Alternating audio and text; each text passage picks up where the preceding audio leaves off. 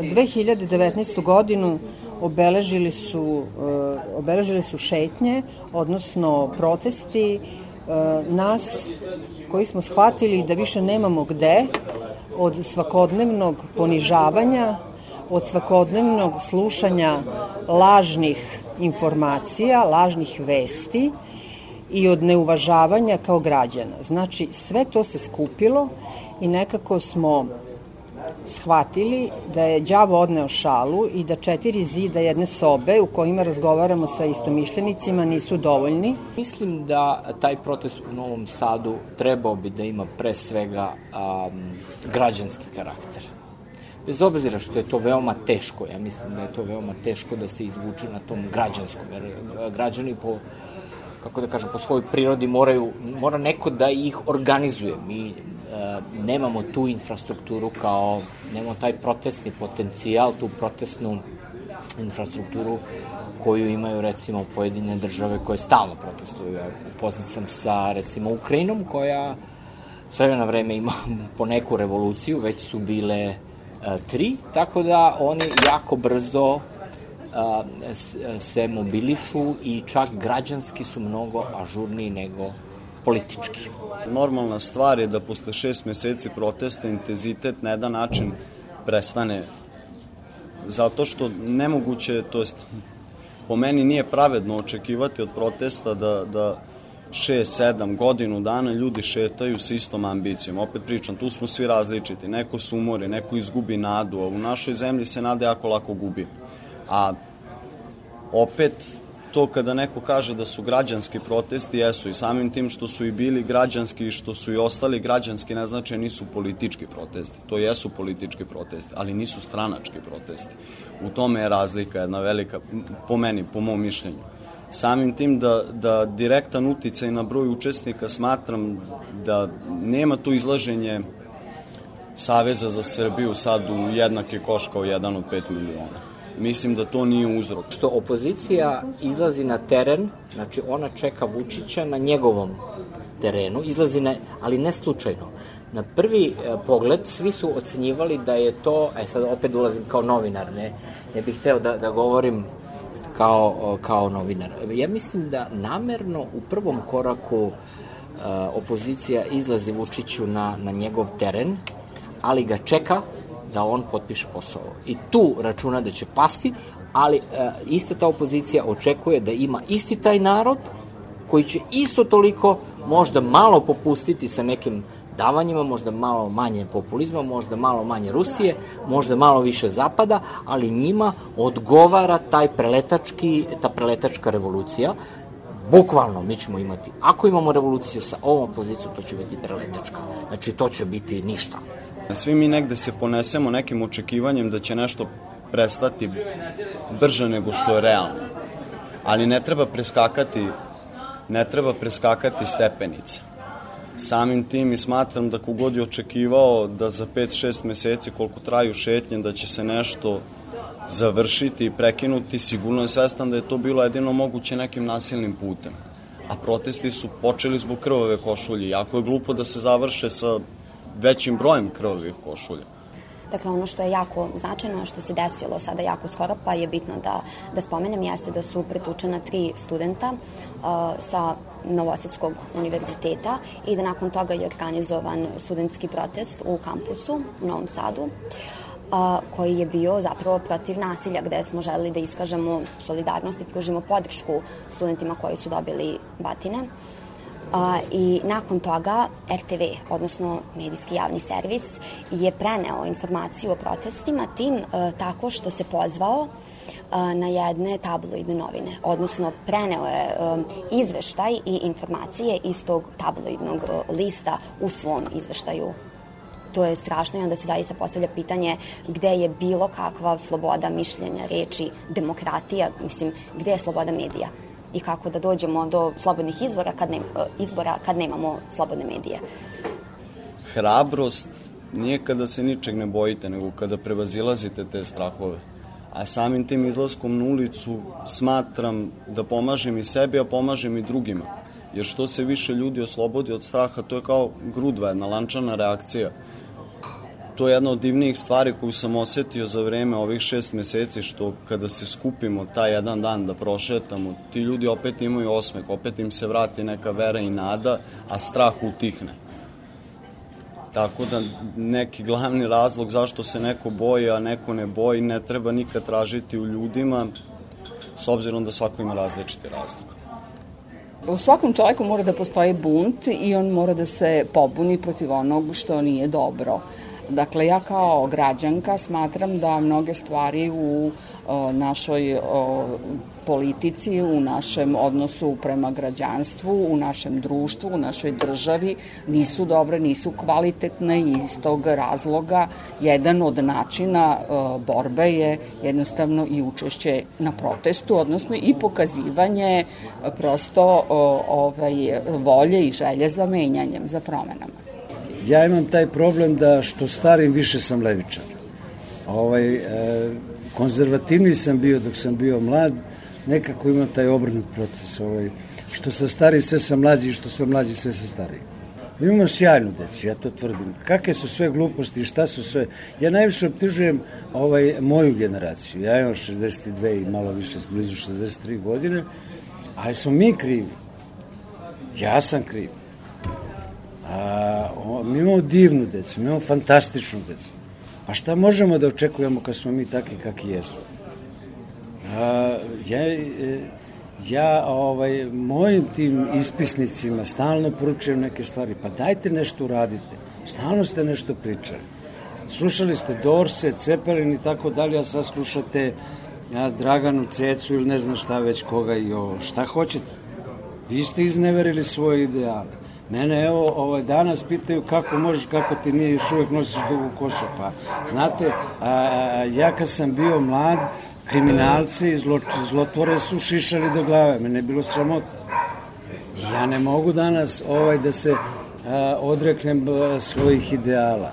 Znači, nešto tu nije u redu. Ja bih više voleo da je a, Srbija decentralizovana i da mi imamo jedan Novi Sad kao srpski ili post-jugoslovenski New York, a da je privredno jak kakav je bio e, Vojvodina je osiromašena, to je urađeno namerno, politički, smišljeno, sistemski, planski, a pre svega statutom, normalno je to uređuje pre svega ubiranje poreza i e, raspolaganje prihodima Kako da, da li ima potencijala Vojvodina i Novi Sad? Da, da li je iskorišten? Ne.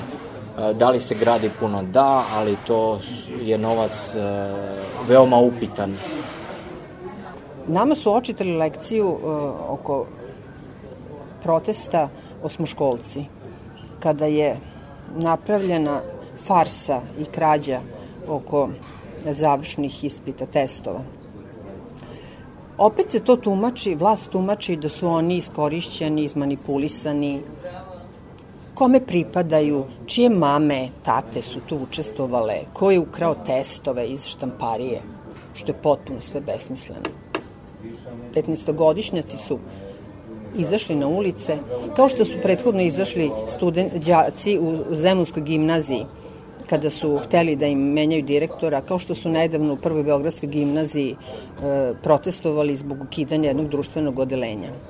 U svoj toj priči nezadovoljstva koje se izlilo na ulice, mi e, slušamo predsednika Vučića koji juče, dok Srbija jedva sanira, odnosno pretaju nove poplave, dok Beograd i njegova naselja plivaju, dok se izliva kanalizacija, mi slušamo njega kako u kompleksu Beograda na vodi ide da pregleda radove na parku koji se gradi i pritom govori o novim fantastičnim investicijama, ne znam u kojim iznosima, milionskim evra, nije mi to uopšte jasno.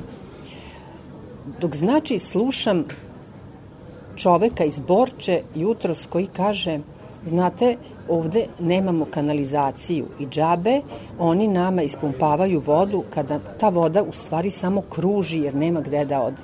Znači, u 21. veku glavni grad Srbije nema kanalizaciju, gradi Beograd na vodi, ali da ne pričamo samo o Beogradu, da pričamo o gradovima u Srbiji, o lokalnoj samoupravi koji, kojima, koje su oduzete ingerencije, odnosno i lokalna samouprava u većini, najvećem delu srpskih e, opština u Srbiji je u rukama politike, odnosno vlasti naprednjaka.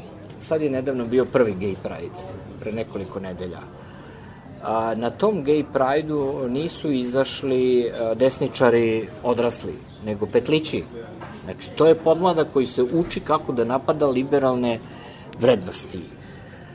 A, mislim da je to takođe deo politike, deo politike, plašim se da i deo opozicije ima tu, tu politiku i zato ja bi uvek razdvajao građanske proteste od političkih protesta.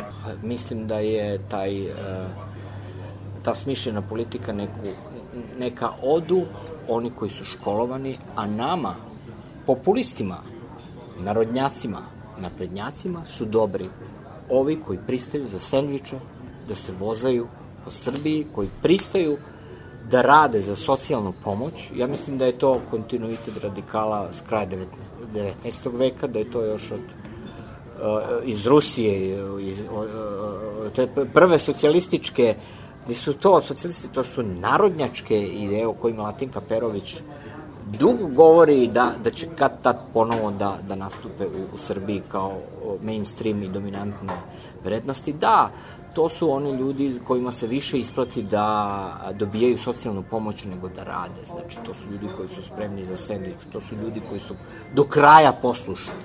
To su ljudi koji nisu Evropa. To je Srbija koja nije Evropa. Svaka vlast je izabrana od strane naroda. Sad, samo što svaka vlast takođe ima i svoje mehanizme pomoću kojih se održava na vlasti. Ja nikada ne mogu da zamerim nekom ako se boji, s obzirom da je strah glavno oružje, bar se tako ispostavilo kroz prethodnih nekoliko godina, kojom ova vlast vlada i manipuliše narod.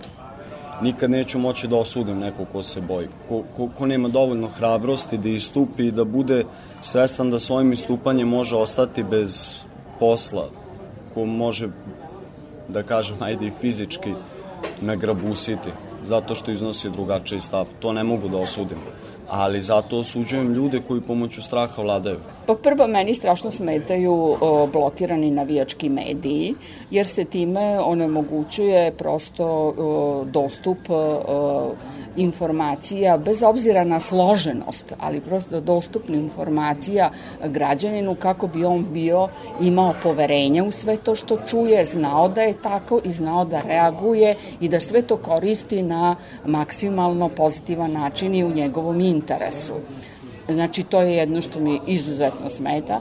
Zatim, uh, uh, naročito se ne slažem sa uzurpacijom vlasti na različitim nivoima, sa malim bogovima, sa nedodirljivim ljudima, sa šalterima zatvorenim za uh, građanstvo, odnosno gde vi dođete po informaciju i gde umesto informacije, umesto instrukcije, umesto svega, vi se prosto osjećate kao krivac neki kome se sudi. E, zatim, e, uopšte građani, e, što se tiče budžeta, smatraju da je to neki imaginaran novac, a nikako naš novac, da mi imamo pravo da znamo kako se on, kako se sa njim raspolaže. Imate, recimo, u poslednje vreme budžetska rezerva je sve veća, I sad, a zašto budžetska rezerva uopšte postoji? Ona postoji za neke eventualne slučajeve, a ovde postoji da bi se iz nje grabilo na sve moguće načine.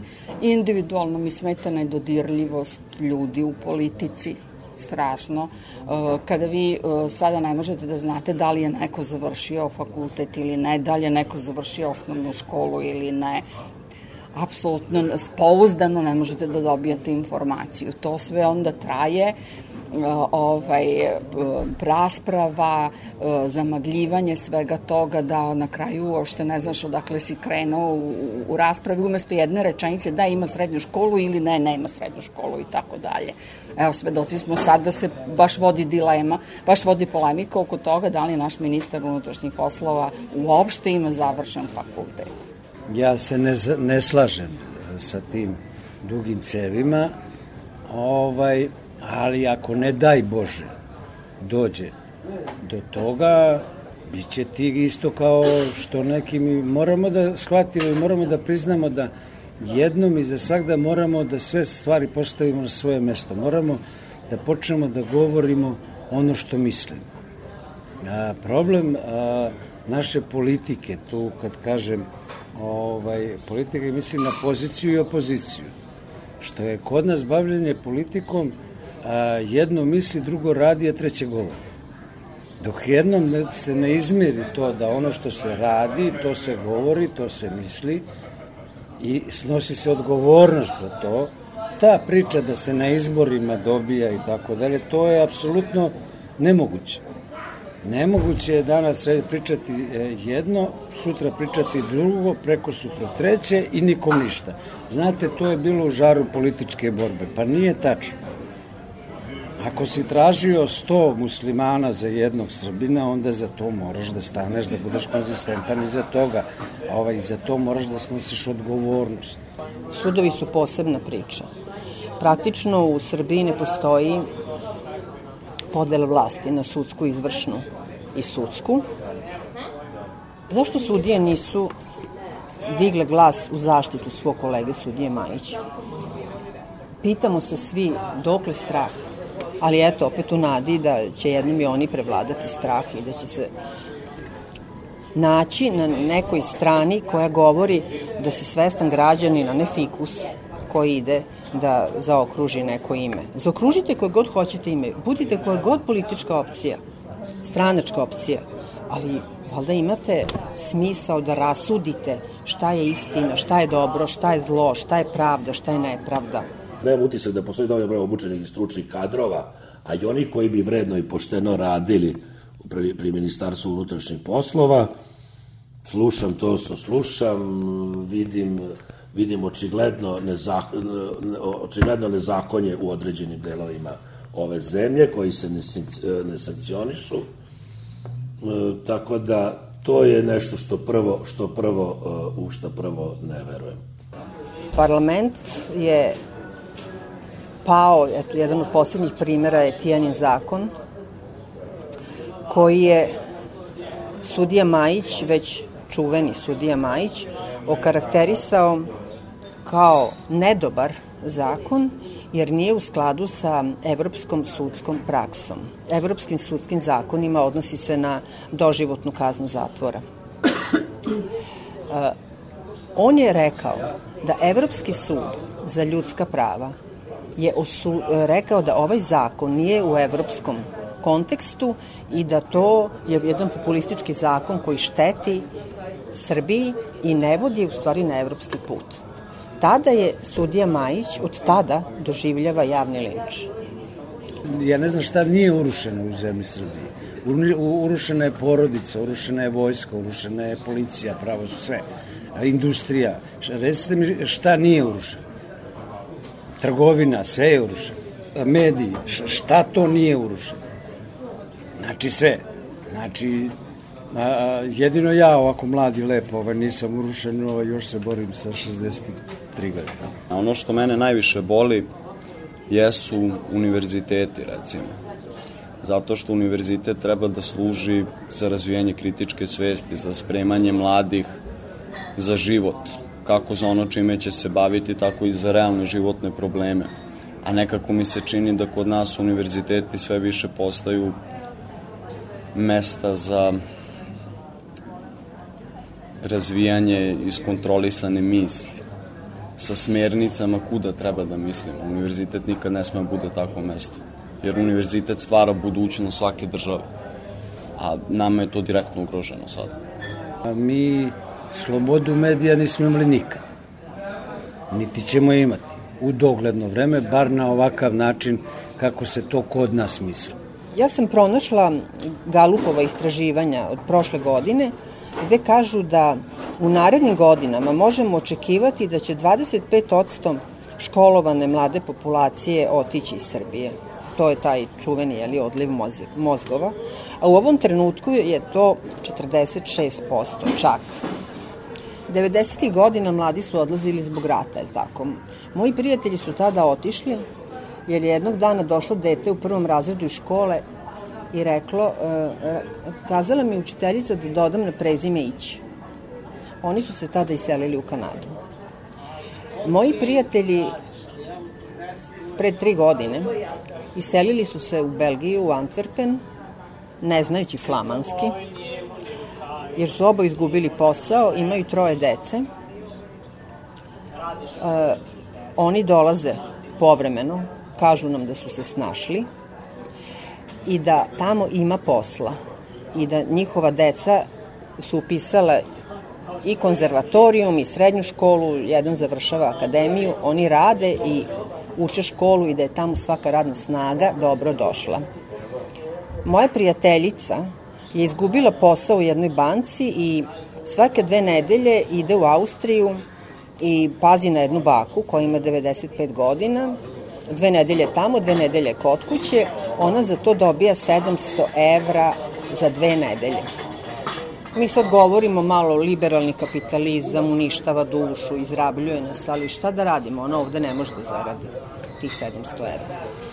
Mladi će se iseljavati, oni, šta oni žele? Mladi žele da rade, da zarade, da mogu da putuju, da mogu da se i odmore, da mogu da rađaju decu, da prave porodicu, u ostalom naš prirodni priraštaj na niskom nivou.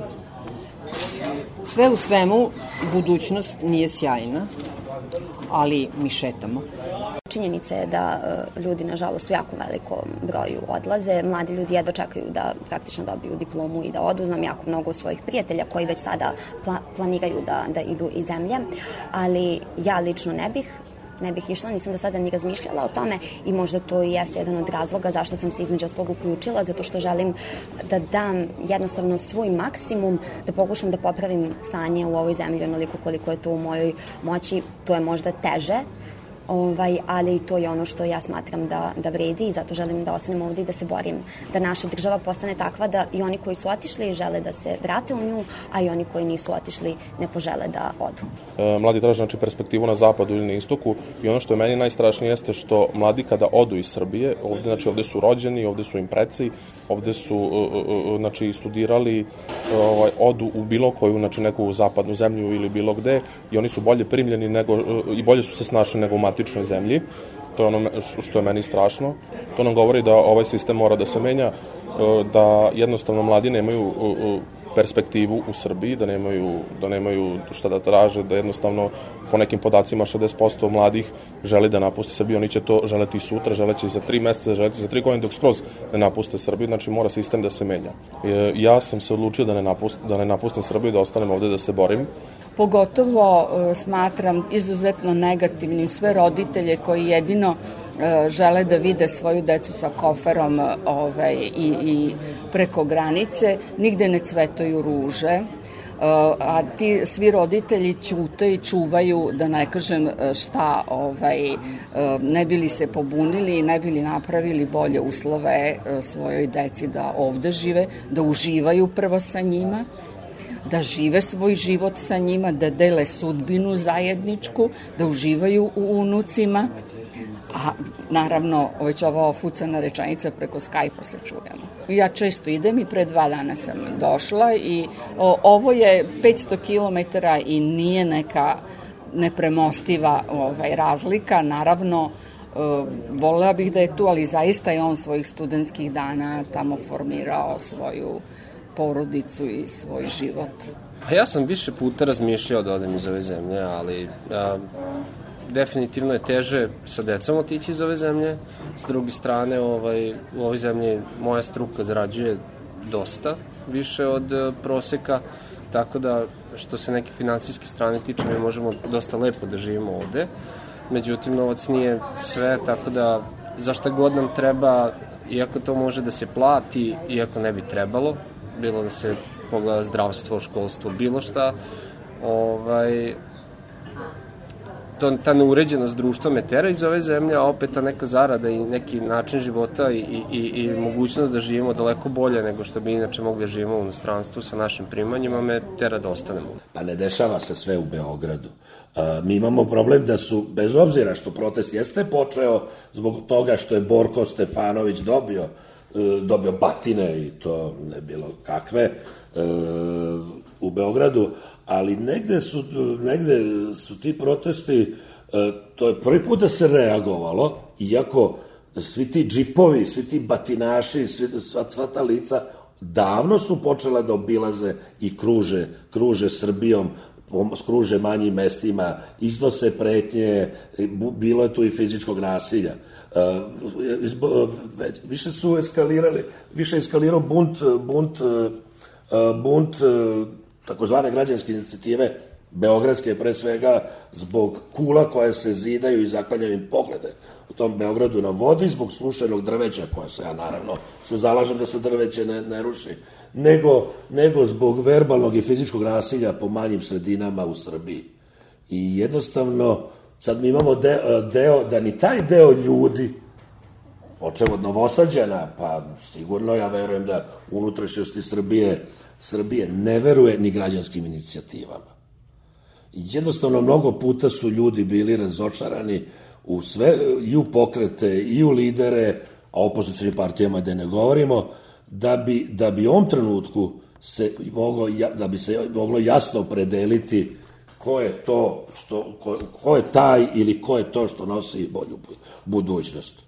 Da bi uopšte moglo da se izađe na izbore, znači moramo da imamo prvo slobodu medija moramo da imamo fair i poštene izbore. E, moramo da imamo, i onda posle toga, znači, posle tih izbora možemo da gradimo jedno novo, znači, to društvo i da se, da se sprovodi na nova ekonomska, socijalna politika. E, I ono što bi svaka, svaka stranka ili bilo koja politička opcija koja dođe na vlast sledeća, imaće jednu veliku odgovornost. Imaće odgovornost prema, prema građanima, prema mladim ljudima i prema starijim ljudima, nebitno, prema zaposlenima, ne zaposlenima, da e, uradi nešto novo, da napravi, opet kažem, taj neki nov sistem, na primjer, zakon o radu koji je u Srbiji, najli, u stvari u Evropi je najliberalniji i znači to je nešto što mora odmah da se menja. Znači pr prva stvar ko dođe na vlast moraće da, da menja zakon o radu koji je to će biti znači neke prve tačke koje će morati da se odrade. I, e, imamo e, pomenuo sam slobodu medija, pomenuo sam znači slobodu izbora, e, po meni znači zakon o poreklu imovine, lustracija, to je nešto što bi morali u prvi godin dana da se uradi. I naravno povećanje minimalne cene rada.